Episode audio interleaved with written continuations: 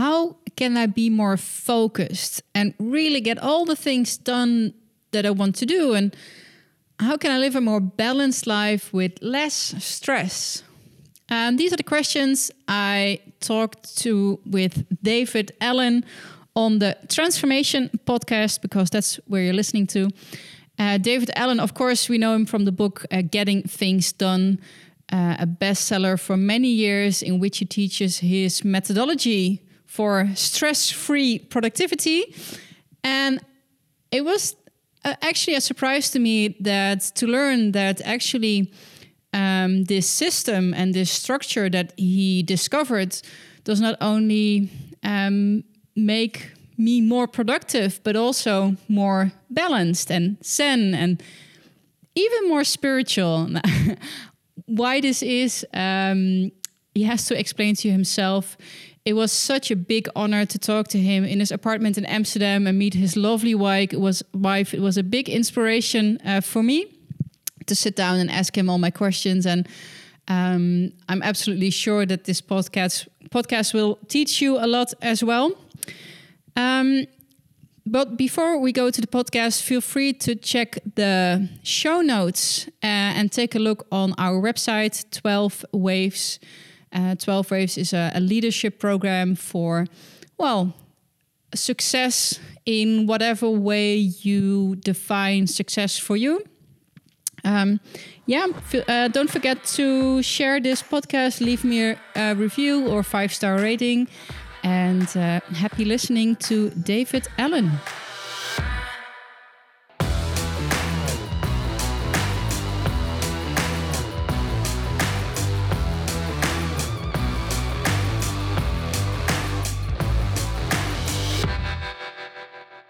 David Allen. Delighted to be here. Thanks for yeah, the invite. Yay. A, hey, lovely to meet you. Yeah, a big inspiration in uh, the way I run my life and also our business with 12 Waves. But would you be so kind to introduce yourself? Hi, I'm David Allen, and I wrote the book Getting Things Done. Oh, yeah. And yeah, so I'm sort of the engineer, I guess, of this methodology about uh, how do you get stuff done with as little effort as possible? And how do you stay clear and focused and present with whatever you're doing? So that was always an interest of mine and i figured out how to do that and figured out how a way to do that amidst the complexity and volume of inputs and stuff that people are dealing with these days. So you know that's who i am.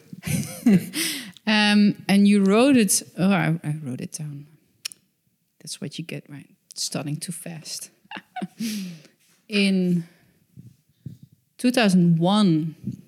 So that must have been a hell of a ride since the first book. And it's like this big movement. Well, hell of a ride, not really. In a way, I mean, it was it it, it it's been slow growth. Okay. You know, as someone said, you know, GTD or this methodology is for everyone, but not for anyone. Uh, it's for anyone, but not for everyone. It basically it's a it's a pretty sophisticated way to think about how you think about your world and how do you deal with it. And so, um, you know, there was a lot of noise when this was first published in that at, at that time, time management and per, per personal productivity, et cetera. There was a there was a lot of stuff out there.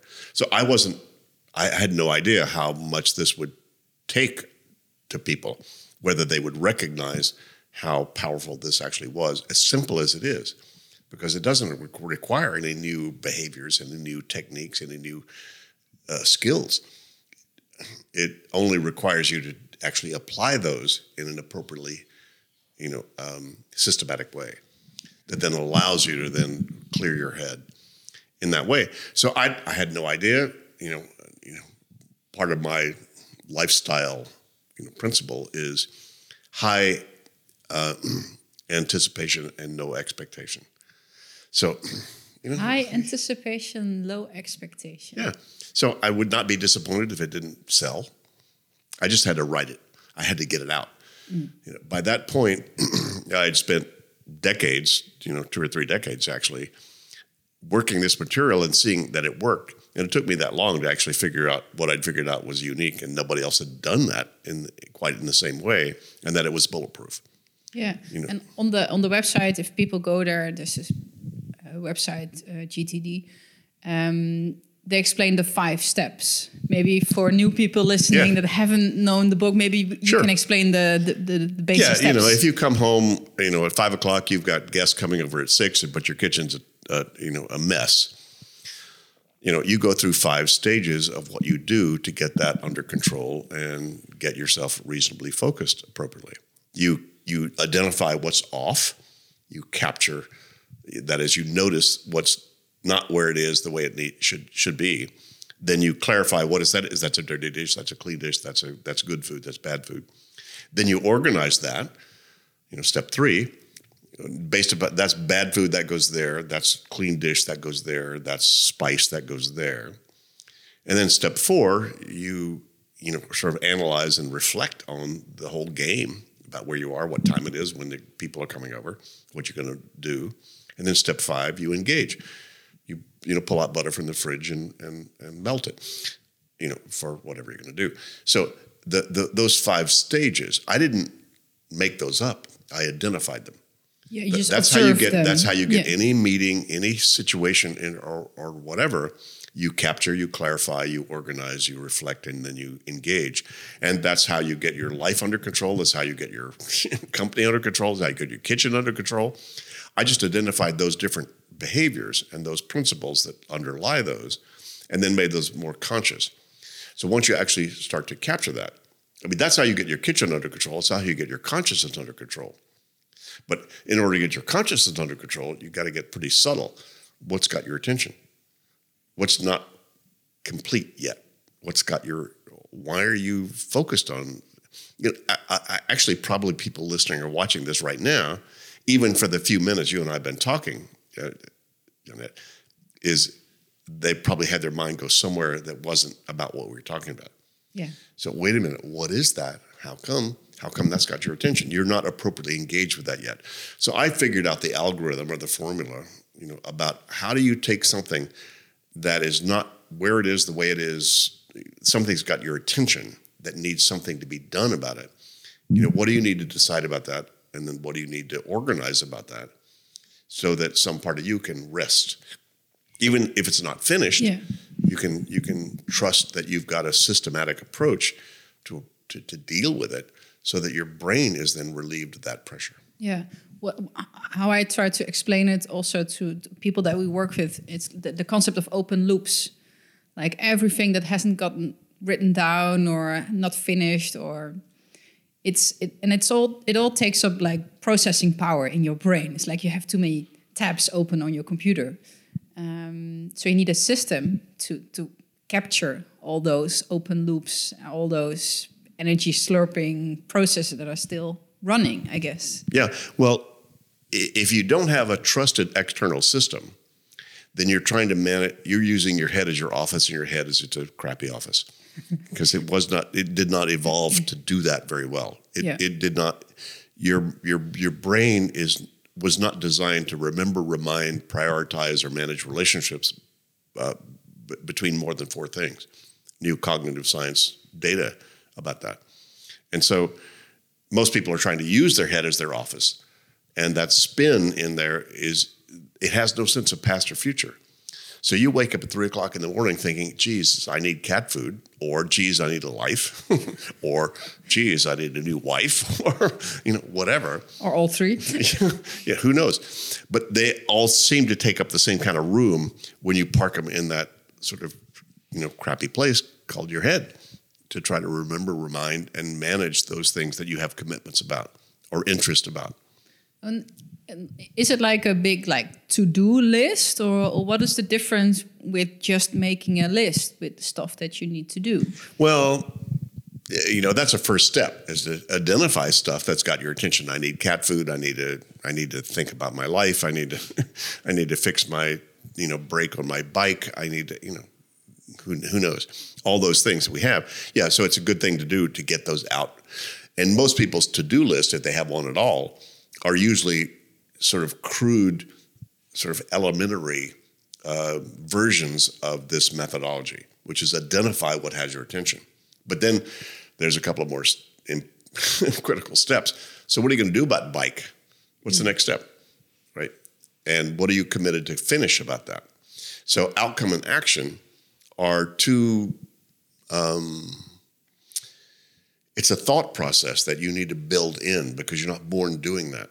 What are we trying to do here? You know, in this meeting uh, with my bike to fix it. You know, what's what's the outcome I'm committed to complete about that? And as small as they may be, you still need to have some sort of an external brain that reminds you, just like your calendar or your diary. You, if you're keeping track of where you need to be when, this is just about doing that about the other aspects of your life in the same way. Your brain can't do it. You can't trust that your mind is going to remind you when, where, where, what I need to do about that. You need to make those decisions on the front end, and then you need to park the results in some appropriate place.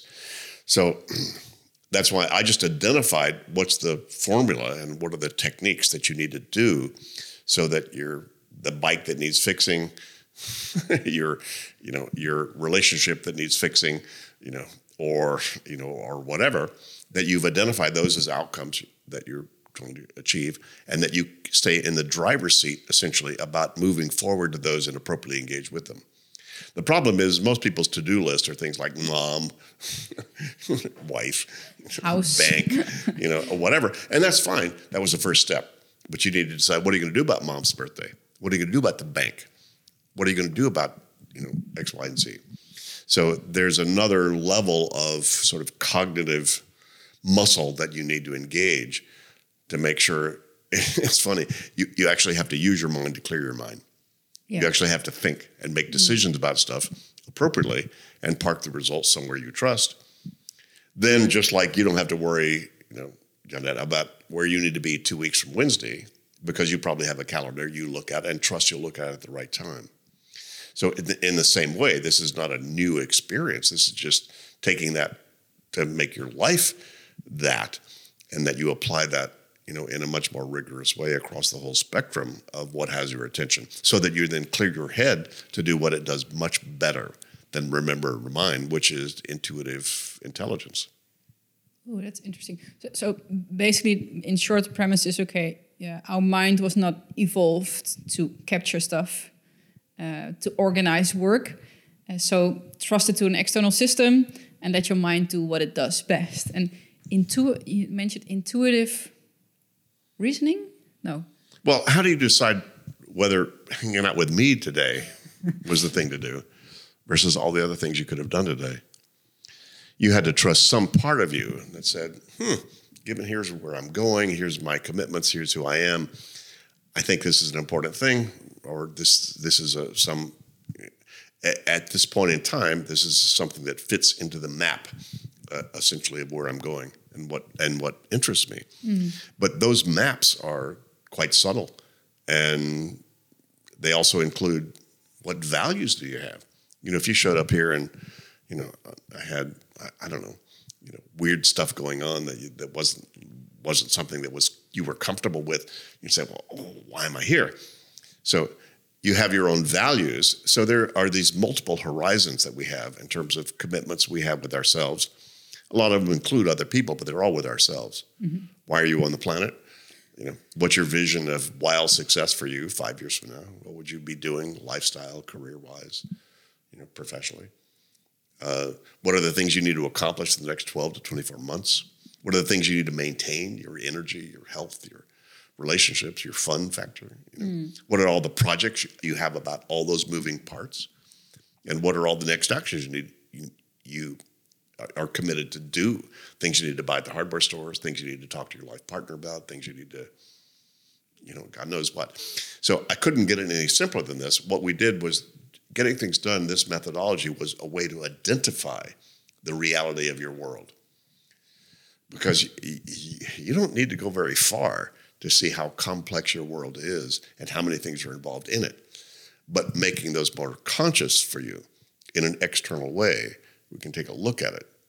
See, if you're trying to remember who you need to call, right, or what websites you want to surf, in your head, if you're trying to manage all of that, oh, come on, give me a break. But if you had a list, here's all the things that have ever occurred to me that I might want to surf in terms of websites. Here's all the calls that I actually need to make about things that are calls or the next moving part on on these th- these kind of things.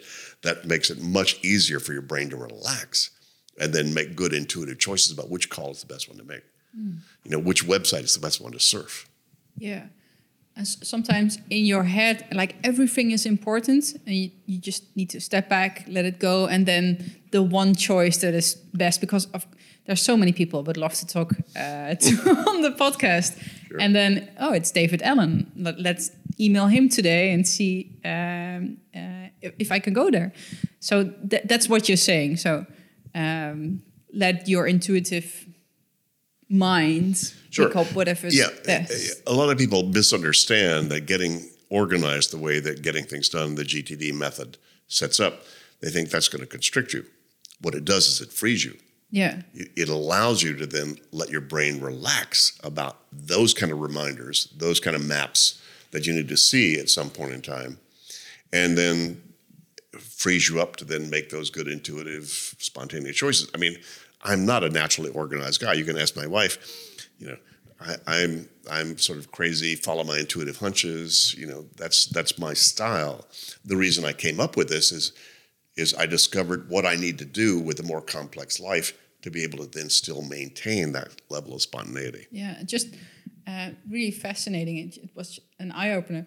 Uh, a while ago, someone um, mentioned like, "Oh, I don't." He was an entrepreneur. She was an entrepreneur. No, I don't want to follow like strict goal setting, and uh, because I want to um, be an entrepreneur and just follow my intuition and go with the flow and and how, and I'm like, okay, well, sure, fine. And now I actually I see that these two can actually enhance each other. Exactly. Yeah. I I, I couldn't agree more. Hey, go with the flow. Yeah. Until yeah, the yeah. flow stops. Why yeah. did the flow stop? Oh well, I forgot this. Well, I didn't handle that. I didn't handle that, and then suddenly they get, you know, they get ground up in, they get wrapped around the axle, as we say, mm. you know, in the world that they did not manage very well and did not handle appropriately in terms of their commitments about it. Yeah. So this was about sort of expanding, if you will, maturing essentially, if you will, that spontaneous process so that you can maintain that spontaneity. Yeah. But in order to do that, you better have the right assistant, you better have the right systems, you better have the right process, you better have whatever, so that some part of you is still free to think at the levels you want to think. Yeah. And you call it in your book uh, clear space. Yeah. I love the concept of clear space. And everyone, if I if I have a give a training, everyone recognized, oh, all the great insights come when I'm in the shower, walking the dog, like dressing myself. This, these little pockets of time that we have that our mind is uh, free, then right. the inspiration comes. And, and you should be living that. That should be the new yes. normal yeah. as opposed to an exceptional event. Yeah. Um, so what is that? The, the, the clear space is just like having nothing to do to that keeps your mind busy? Like nothing that keeps you from being present with whatever you're doing. So right, if you and I right now yeah. look, I have a lot of stuff to do. If, I, if you and I weren't talking, I got a whole bunch of other stuff, but it's not on my mind because it's in my system.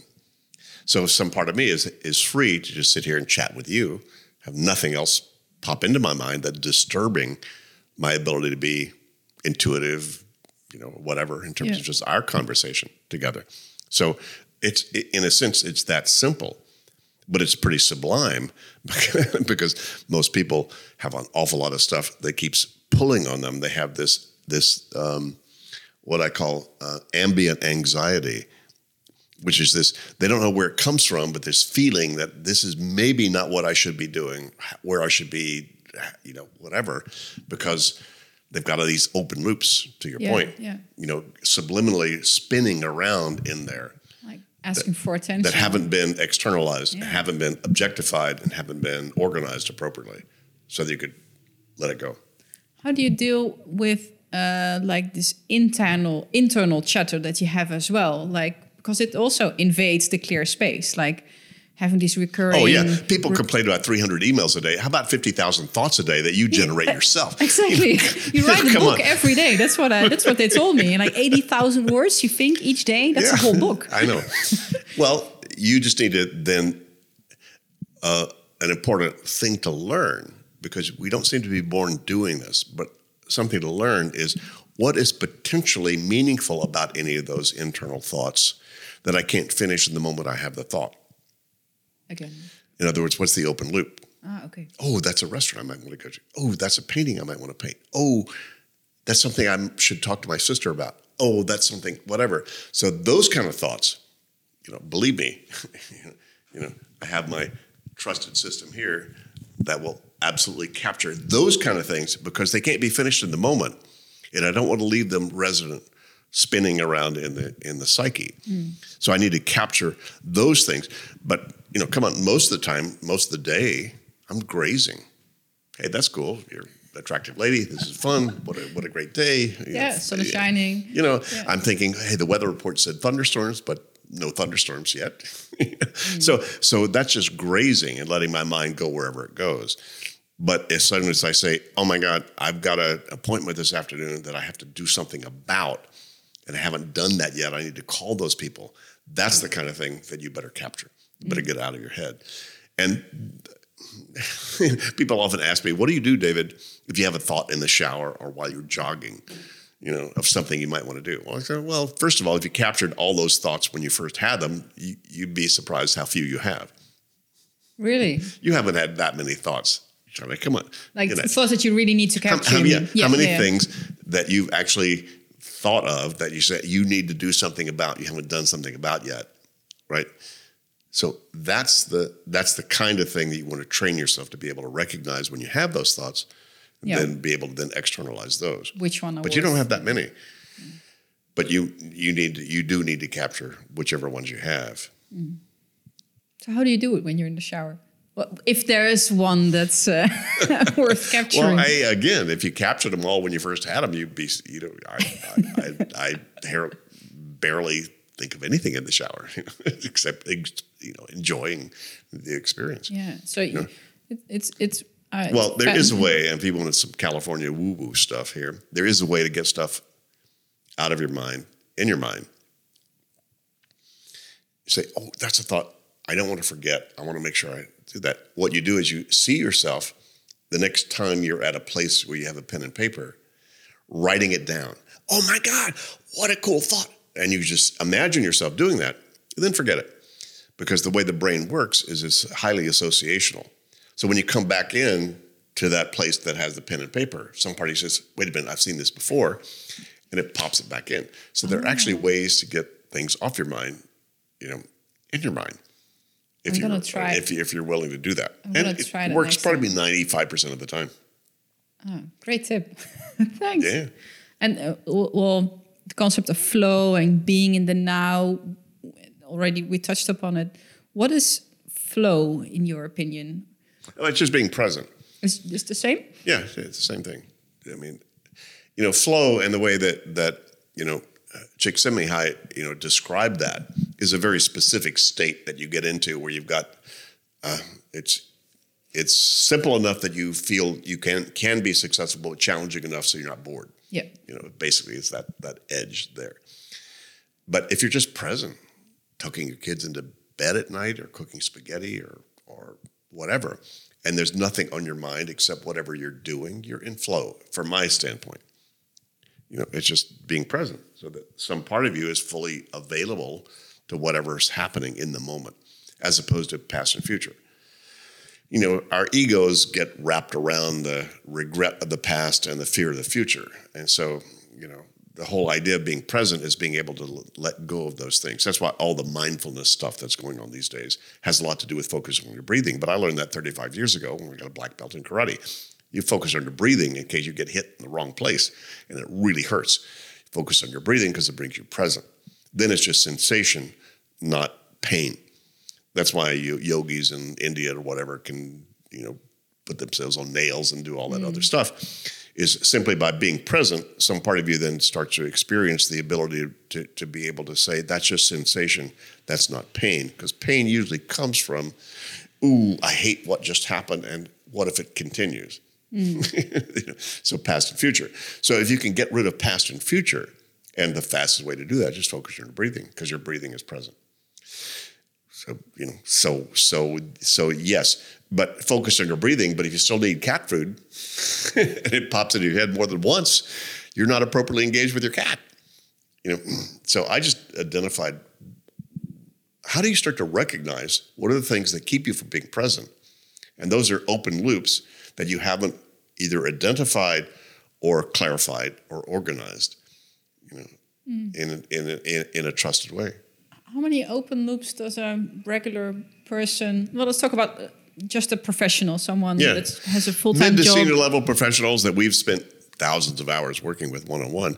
Most most of those folks have somewhere between thirty and hundred projects, and our broad definition of a project is something you're committed to complete that's going to take more than one step to finish. Handling your next vacation, fixing the broken tooth you just had, you know, uh, hiring the vice president, or researching whether you should hire a consultant to let you know what vice president you need to hire. Yeah, you know, all those things are then open loops. If you identify all of those, most people have got thirty to hundred of those, and then if you say what are all the next steps you need to take about all those open loops, as well as any single action things you need to do, most people have 150 to 200 of those.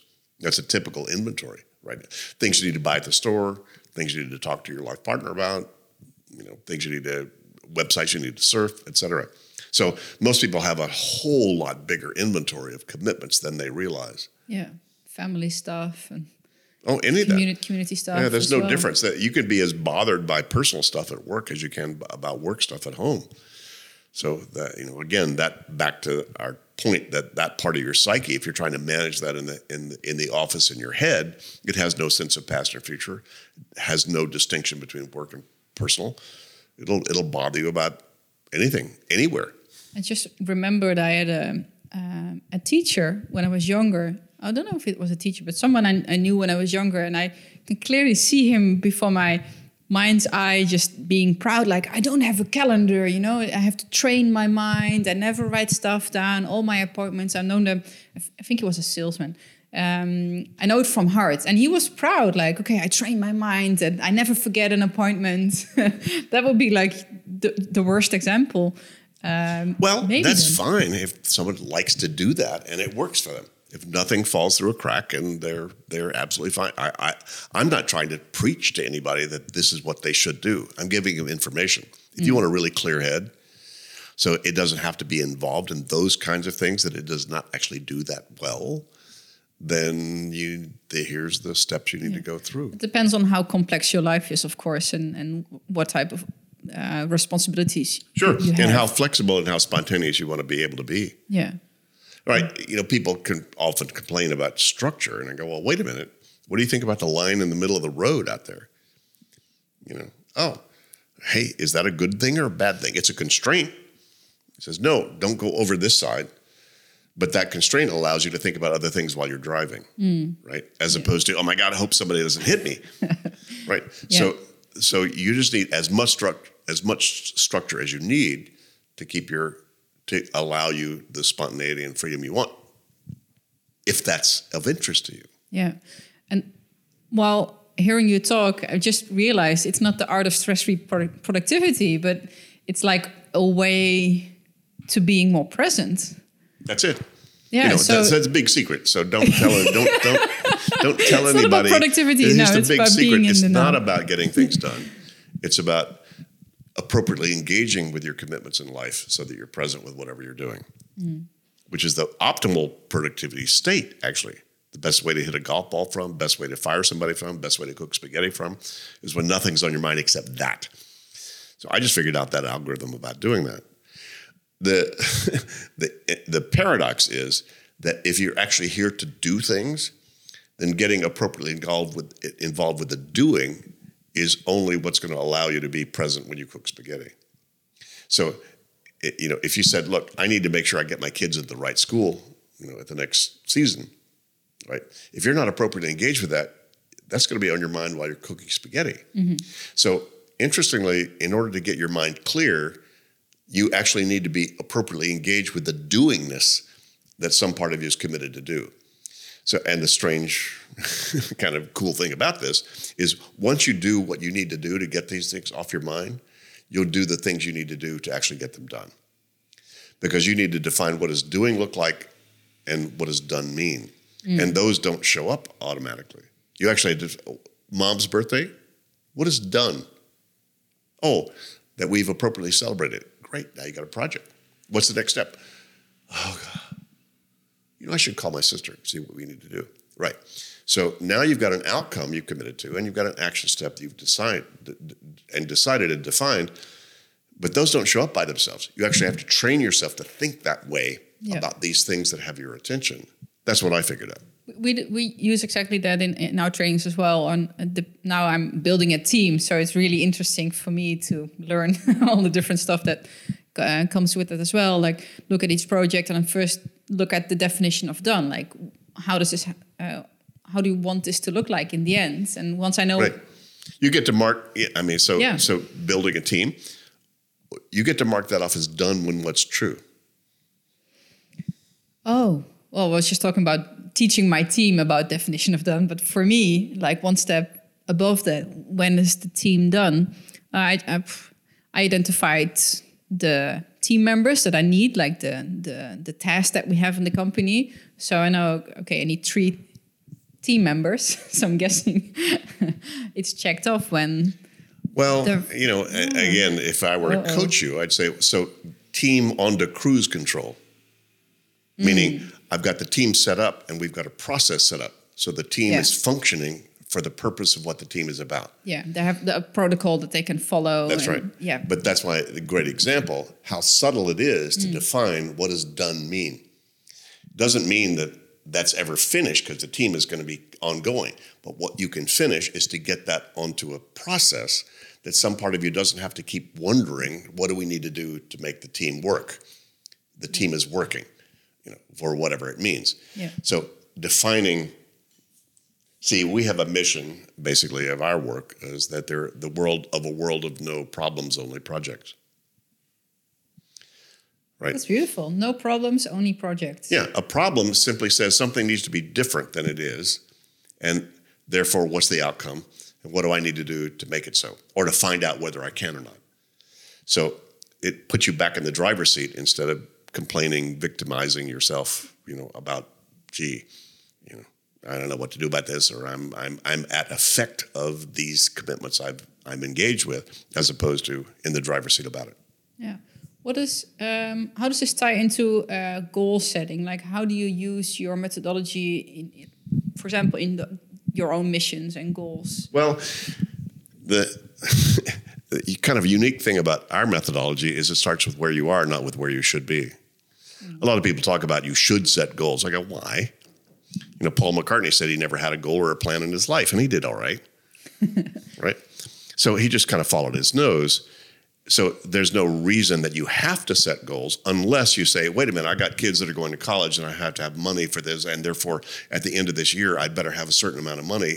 Then, hey, then that's a reality you have for which you'd probably better identify what kind of outcome that you want to try to achieve in order to achieve the bigger game. Mm-hmm. So we don't tell you that you should set goals. We just say, what goals do you have, or what things are you moving on that you need to identify? That's up to you. If you want to just say, I'm just going to let the world happen, we're fine. I, I don't. Yeah, good for you. You know, God bless. You know, go go for it. You know, then let the world show up as it does. So I have no agenda that people actually need to do those kinds of things. Uh, however, if you're on the planet to express yourself and you haven't fully shown up yet, right? How do you there's a- know that? How do you know if you've fully showed up yet or not? there's a part of you that's either absolutely comfortable with what you're doing, the way you're doing it, and you have no pull or drive or push to express or expand anything you're doing, you're there. Can, can we ever get there? because it, are you there? No, not really. I mean, there's a part of me that says that, that, you know, I still haven't fully, uh, you know, um, taken advantage of all the opportunities that I probably have to spread, you know, the good news about what I've discovered and how it would improve people's lives.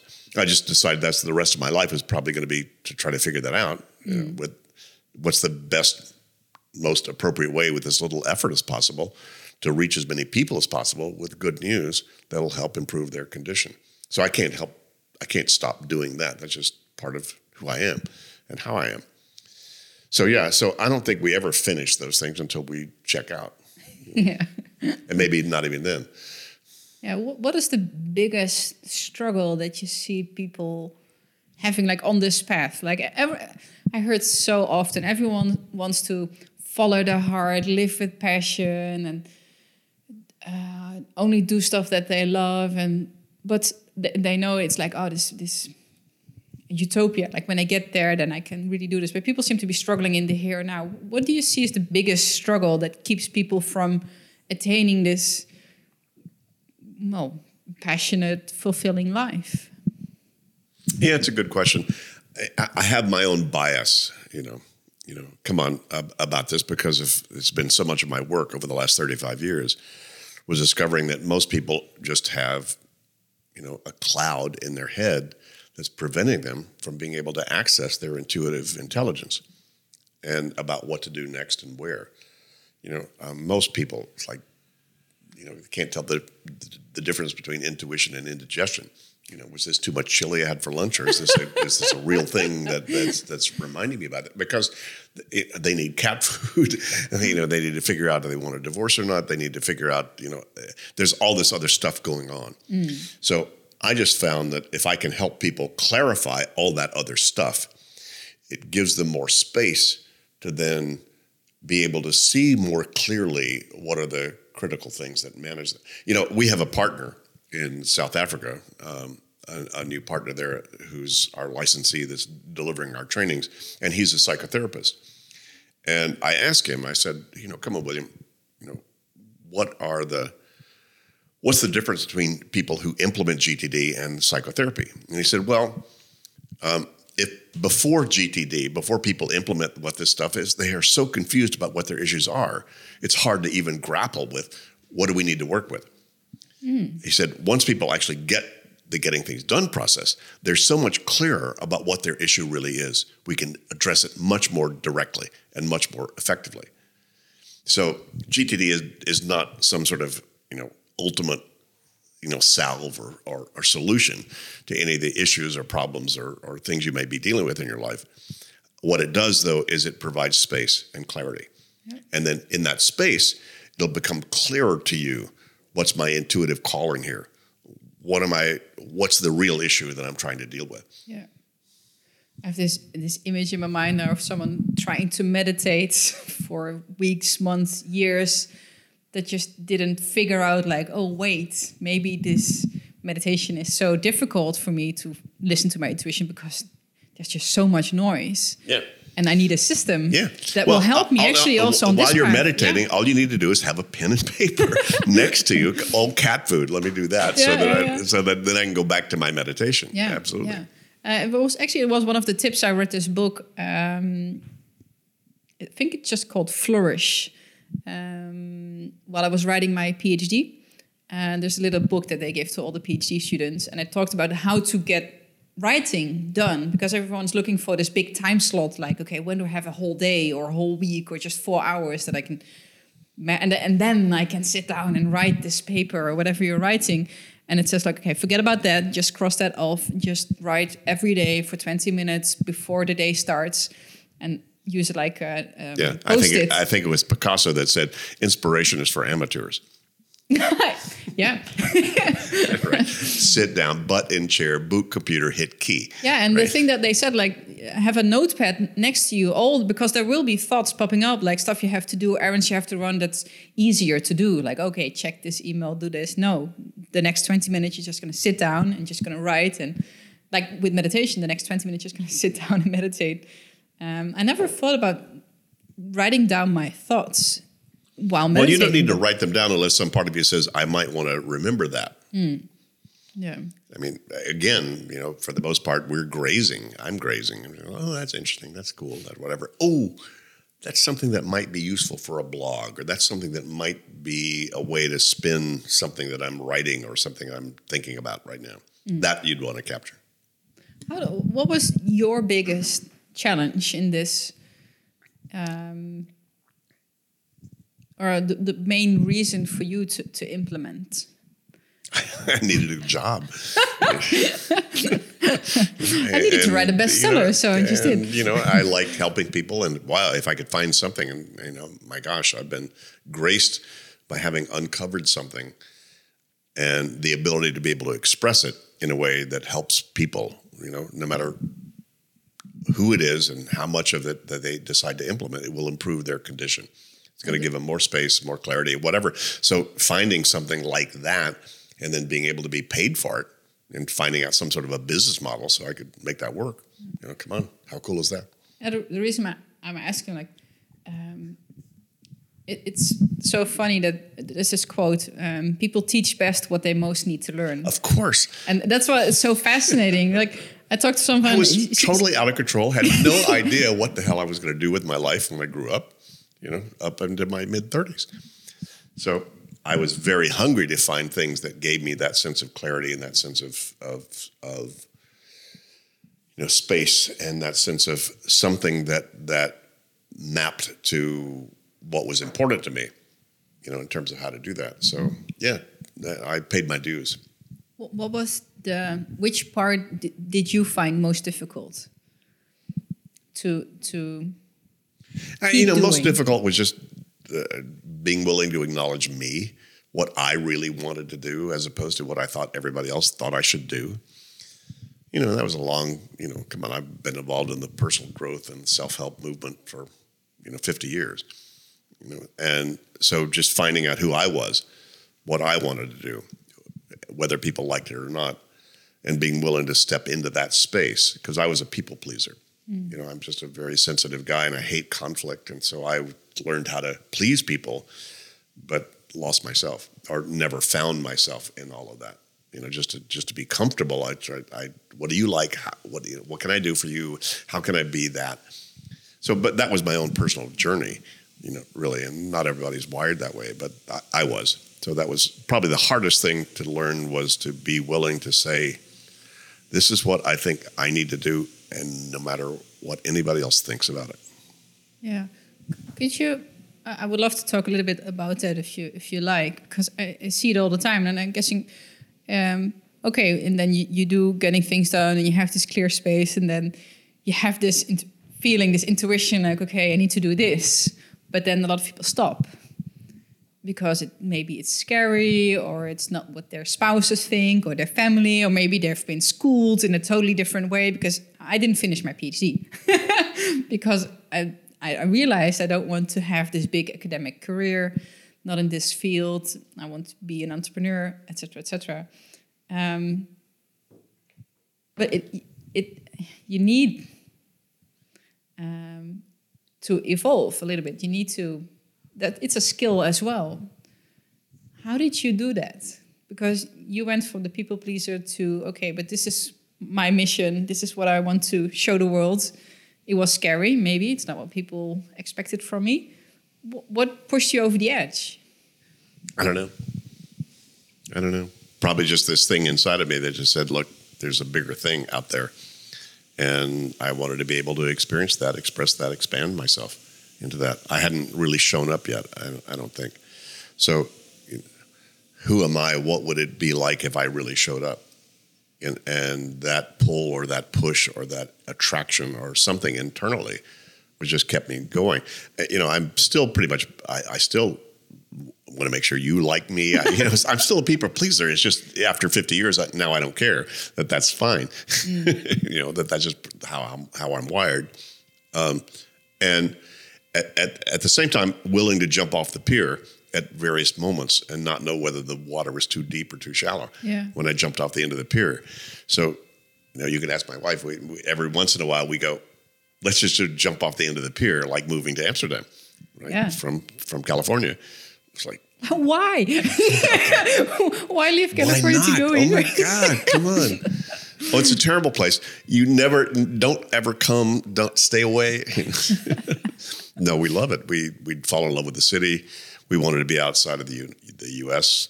It was too much of a U.S. centric consciousness inside the U.S. Mm-hmm. We were our work was much more global. We thought of ourselves and have always thought of ourselves as much more global people. You know, in terms of our thoughts and our interests and and so forth.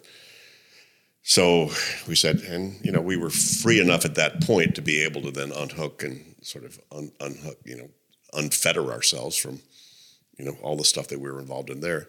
The- the- We'd fall I- in love with I- the city, and, and we love the lifestyle here. It's Can great. I zoom in on jumping off the pier? It's it's. I hear so often. People are afraid because they're insecure about okay. Um, once we do this, I don't know. So, so they stick with the familiar. Maybe you're just wired that you're like, okay, let's go, let's jump in. But I can imagine you I, you I encounter know. No, I, also. I don't like doing it. I mean, that's not that's not in itself a lot of fun. It's it's almost like, well, that's just the next thing to do. yeah, you know, and, and it was just an obviously next thing to do. You know, we sort of we loved where we lived in California, and it was a fabulous lifestyle we had. But at some point, we said it's done. You know, yeah. You just know. Time for something new, and and and we wanted, uh, you know, both Catherine and I were sort of okay. There's a next level of game that we want to play, and keep ourselves alive and and invigorated by that the adventure of it, and so that's why we did. What is the the biggest adventure or the biggest project at the moment for you? Oh well, we're doing a summit. Hmm, I know. oh my God! You know, we did this ten years ago in San Francisco. We, you know, my work had started to spread as as the book was being translated into a lot of languages, and you know, the world was kind of becoming very interested in this, and we saw that it was it had an interest, and we said, well, let's just raise the flag and see who would salute. So we did it. We just organized a summit of of GTD practitioners and advocates or whatever, and some of the coolest people you'd ever meet, you know, were there. And so we we, we pulled together an event in San Francisco that was very unique, and you know, we had some very good advice called "Don't do this again" because this was so unique, such a cool thing. So we said, eh. so we didn't do that because I'm not in the conference business at all. But then, you know, I don't know, about a year and a half ago, Catherine and I were sitting at a cafe not far from here, and I said, you know, 10 years, and now we've got a global movement that's going on with licensees and partners all around the world that are actually delivering our stuff. I said, you know, you know, I'll be 74 this year, so I said, you know, maybe we should just raise the flag again and you know build something that would help um, galvanize and reinforce these people around the world that have caught onto this that are making this part of their business and help them see and let the world see this is a th- this the train has left the station. You know this thing is moving you know and it's it's you're not going to stop it. And so we wanted to build that sort of uh, an event that would um, that would celebrate that and recognize that and help everybody involved around the world who's doing that. And you know, our first invitation out to my A list of people to do presentations got oversubscribed almost immediately. People on their own dime are coming. You know, that are some of the best and brightest in the world. They're all friends of mine. They're all people that are champions. I saw the I saw the list of speakers. and It's- like, oh man, it's- it's quite impressive, and some very cool people. People never have people who are listening or hear this you've never heard of, but if you actually come to the summit, you'll be amazed by what they're going to tell you. and it's how June, this right? stuff is is how how valuable you know this methodology has been in their work and life. Yeah. it's in uh, beginning of June. June twenty twenty one Oh, in, end in. Amsterdam. Yeah. yeah, We're and you know, so just go to gtdsummit.com and you'll see the list of people that are going to play. And our biggest job, job is to try to figure out how to, you know, how to support the message that all these people have, you know, in the most, uh, you know, the most uh, effective way. So, yeah, we're that, so that's a huge project. you know, that I, again, I'm not never going to do this again. This is a one only, you know, kind of an event, but I think it's an important one to do. Um, I, I noticed uh, there are some speakers about uh, GTD for teens. Yeah. Could you talk about this a little bit? Because I, I didn't realize there, they made a program for teens as well. What, Yeah. Well, you know, for years, as I've been teaching this stuff, parents have come up and said, Oh my God, I wish I'd learned this when I was 12. And oh, wait, I have a 12 year old kid. I wish he or she would learn this right now so that they can walk into the world and feel comfortable about being able to control it.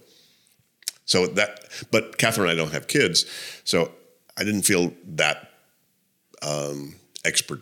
I didn't feel like I had the expertise to write that uh, and then two guys showed up. First of all, a, a guy who was my CEO for several years, Mike Williams, who had raised as he was raising his kids, he'd come across GTD and he was using the model to help raise them. So he had a lot of great stories about how you know his success with with doing that. And then we ran across you know Mark Wallace and Mark, the other co-author, he's a public school teacher in the Minneapolis in the U.S. in in, the, in their public school system, where he's been. Once he got GTD, he went, oh my God, I can't hold this back for my kids. So he was teaching 9, 10, 11 year olds this methodology and building a model that they were all buying into and, and getting it. So those guys really did the heavy lifting about building a, a, a new, the, the new book, Getting Things Done for Teens, which by the way is in Dutch as well. You know, so uh, so it's out there. Uh, yeah, so it was like God, if we really need to change the world by people who have this thought process, but let's get it to the kids if there's a way to do that. So it's just an experiment. I don't think a lot of kids are going to walk into a bookstore and say, "Well, gee, I need to be more productive." That's probably the parents or the book, teachers you know? that no, like you know. infiltrate. But it was really written for caring adults, mm. you know, as a way to communicate to the kids, whether you're a clergy or counselor or a teacher or a parent, you know, and you have kids that that are important to you, to teach them what they need to learn before they walk into the world and get hit by you know the reality of, of life out there and don't have the skills to be able to manage it well. No, I think actually at the moment they don't even need to walk out. As soon as they open up their phones, it's it's it's yeah. an overwhelming stream of sure. Yeah. Um, let's have a look at the time. Okay. Um, totally off topic. but I have to ask. um,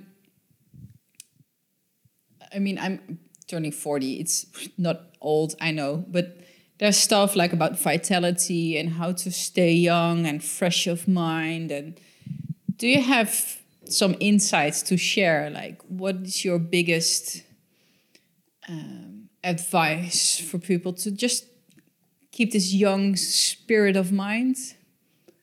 Well, I think you use the right word, spirit.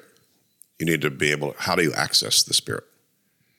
because the spirit is ageless and it's eternal and it's always there and it's always available to us. So our willingness and ability to be able to relax and sort of pay attention to the still small voice inside of yourself about what you need to do and when and whatever.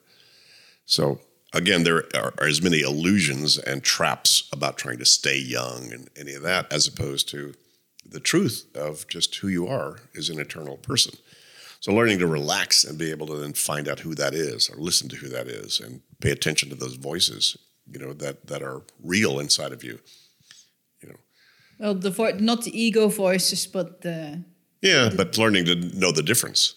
Yeah. You yeah. Know, which is which, you know. How did you do that? Because I mean, of course it's a lifelong learning, I know, but can you maybe talk about uh, what influenced you in this path, I guess. Well, I met a guy you know, who was way ahead of me in terms of the spiritual uh, development and explorations, and decided to hang out with him to find out everything he would learn. And then, you know, 50 years later, you know, he wound up, you know, leaving the planet, but I still never finished everything that he taught me. Mm. So I found a good guide. You know, obviously that helped a lot. Like a mentor.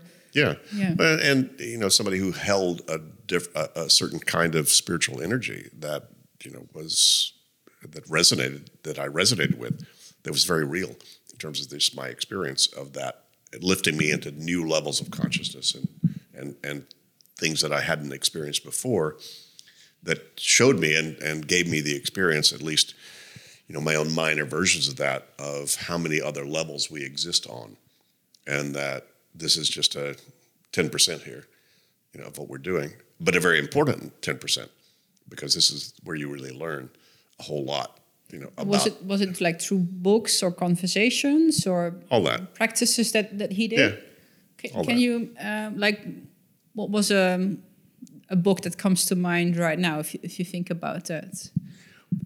Well, all you have to do is go to msia.org, msia.org, and you'll see a huge, huge range of both, you know, um, tapes, videos, uh, books, etc., that came from this source that essentially I ran into and then have trusted for the last 50 years. Is to it- help to help to help me sort of stay on that path. Is it a, a person? I, I don't know it. Yeah, a guy named John-Roger, J O H N dash R O G E R. Okay. Yeah. Oh, I'm sorry. that was the the main source for you to get the information. Yeah. Well, you know, he had he was he's he's not the thing. He was a transmitter of that thing. Hmm. That thing is in all of us. Yeah. You know, it's it's present with all of us right now. We have the ability to be able to tap into, you know, uh, that kind of spiritual, but I use it with a small s. Hmm. That that that energy that you can't see, but it's there. It's what it's what wakes you up in the morning, it pumps your blood, keeps you going, you know, hmm. and whatever. And so that exploration, you know, that's always been. I've always been fascinated as I look back on my life. Um, I've always been fascinated by what's the invisible thing we can't see that's actually driving and running what we can see. yeah. Because if I could get a hold of that and find out how to engage with that, then I could be as lazy as I could be and still, you know, produce the life that I wanted. If you could find out what's the source of all that. So, you know, uh, over you know my 74 years, a lot of a lot of different ways to understand what that source is and how to access it. But it's there. It's there for everybody. Yeah.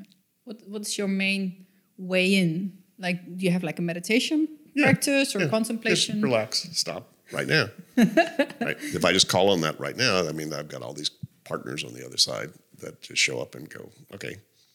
You know, I'm really fascinated. I'm, I'm sorry if it's too, too personal, but the whole spiritual path, uh, um, personal development, I, I talk about it a lot on the podcast. So that's why I'm uh, uh, probing a little hey, bit. no, no problem. you know, I just didn't. I didn't want to be very public about all of my stuff with that. You know, now as old as I am, and and the fact that you know what I've done, you know, professionally out there has now got its own life. So I don't, I'm I'm not necessarily putting that so much the- at the risk. recognition, you know, like, okay. you know, because if they, people go, oh my God, here's a woo woo guy, the cult, you know, and, any, any and all that stuff, and I just didn't want to play any of that game at all. No, I can imagine. We talked about Michael Pollan uh, before we started recording, and um, it's it's interesting to me that um, I see some schol- scholars, I call you a scholar as well, coming of age, and then there's this secret, hidden spiritual life that they don't want the academic world to see. Like, oh, I don't. Especially, I'm really interested in psychedelics as well, and you see that a lot in the psychedelic uh, world as well. Like big scholars, uh, academics that once they are finalizing their life's work, like, oh, but wait a minute, I've also been taking LSD for 40 years, or I've been talking to my guides on the other side for 40 years. But now you can't hurt me, and now I just I'm safe to say it. it's a big taboo. Um, sad, well, it- it- what's, sadly. what's great is becoming, you know, it- it's a little safer to now become public about all this stuff. Mm. You know, most people, and you know, in the corporate professional world, if you translated spirit to intuition, you know, that's, you're- that's you're a, that's a safe. that's Yeah. a pretty you know pretty easy translation. Really, say, look, trust your intuitive gut.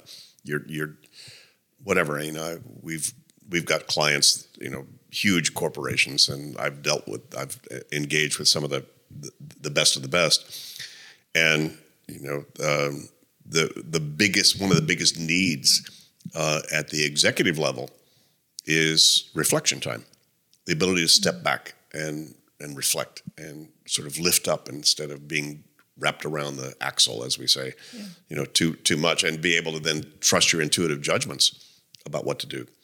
Yeah, where so- does it come from? Yeah, and where does that come from? I mean, what what is that? You know, mm. who's who's who's providing that source and that juice? So I think one of the unique things about what GTD and what I've come up with is a way to engage with the world so that it creates more clarity to be able to then, if you're interested in the more inner worlds and and the subtleties of that, gives you much more space to do that. Yeah. So, you know, I'm not pretending that, you know, what I teach is spiritual stuff, except that it does hit upon what I think are the two key elements of what we're responsible as human beings to do, which is be accountable for what you've created, the open loops you've created in your life or many lives, right? And then be focused, be accountable for where you're putting your creative energy. What are you producing now? What are you creating now? Hmm. So completion and and focus are really the two elements, actually, the, the core elements of productivity. What are you trying to produce? What's the next step you need to take to get there? And you know, what are the things that are that are holding your energy back because they're incomplete or you haven't acknowledged them or haven't engaged with them appropriately. So, in a way, you know, my work is yeah has an awful lot to do with the human experience. Yeah. And and whether you want to call the human experience spiritual or not, that's up to you. Yeah. Your choice. Beautiful. I love it. Um, what would be your biggest uh, to the audience um, takeaway that you wish to share, or maybe the question that I didn't ask that you're like, oh, I would love to talk about this as well. Sure. Stop using your head as your office. yeah. Your head's a crappy office. You know, get it out of your head. Externalize all those things that have your attention and appropriately engage with them in terms of getting really clear and conscious about what is that commitment? What do I need to do about it? Where do I park a reminder about that stuff? And give yourself more space. How you use that space will be up to you. You can be more creative, more innovative, more strategic, more present, more loving, whatever. But I guarantee you that these the the principles of capturing, clarifying, organizing, and reflecting on the stuff that has your attention, that is applying this methodology, gives you more space. What you do with it, up to you. Beautiful. And I just reminded, and I think I'm going to um, um, add this to it. Um, it was actually he's going to be a speaker at the summit as well. Uh, Tony Crabbe. Uh, he wrote a Tony Crab. Crab, yeah, yeah. yeah Crabbe is the Dutch way to, yeah, uh, to say it. Um, Busy, I think, is yeah. the, the book in, uh, in English. He's a big uh, champion of my stuff, and and you know he's he's a great guy. He's fun. He uh, he he mentioned um, um, a research in his book. I just read it a couple of days uh, ago, and I think it's beautiful illustration about taking action and knowing where to go. It's a study that uh, they gave a lecture to students about getting vaccines or not, and they had, gave it to two groups. Exactly the same lecture about okay, you should get vaccines because it, these are the benefits, etc. And the first group only got the lecture, and I think it was like six percent or three percent got the vaccination done. Second group, same lecture, only difference is they got a map of the campus with a cross on the map like okay and this is where you can get the vaccine. The, these are the opening hours. This is what you should take care of. So like a manual how to get there. And then the percentage was like 23% and this is a, just a beautiful illustration how the mind works. Like oh beautiful information. Thanks for telling me. And then i go on with my day. Um, instead of giving you a little roadmap how to get there and how to do it well interestingly you know one of the uh, most interesting people who researched. They ran across my work.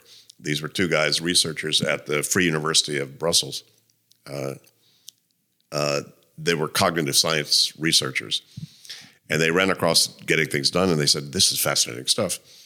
And so they wrote a whole paper. It's like a 25 page paper that was peer reviewed on the science of stress free productivity and what I had uncovered.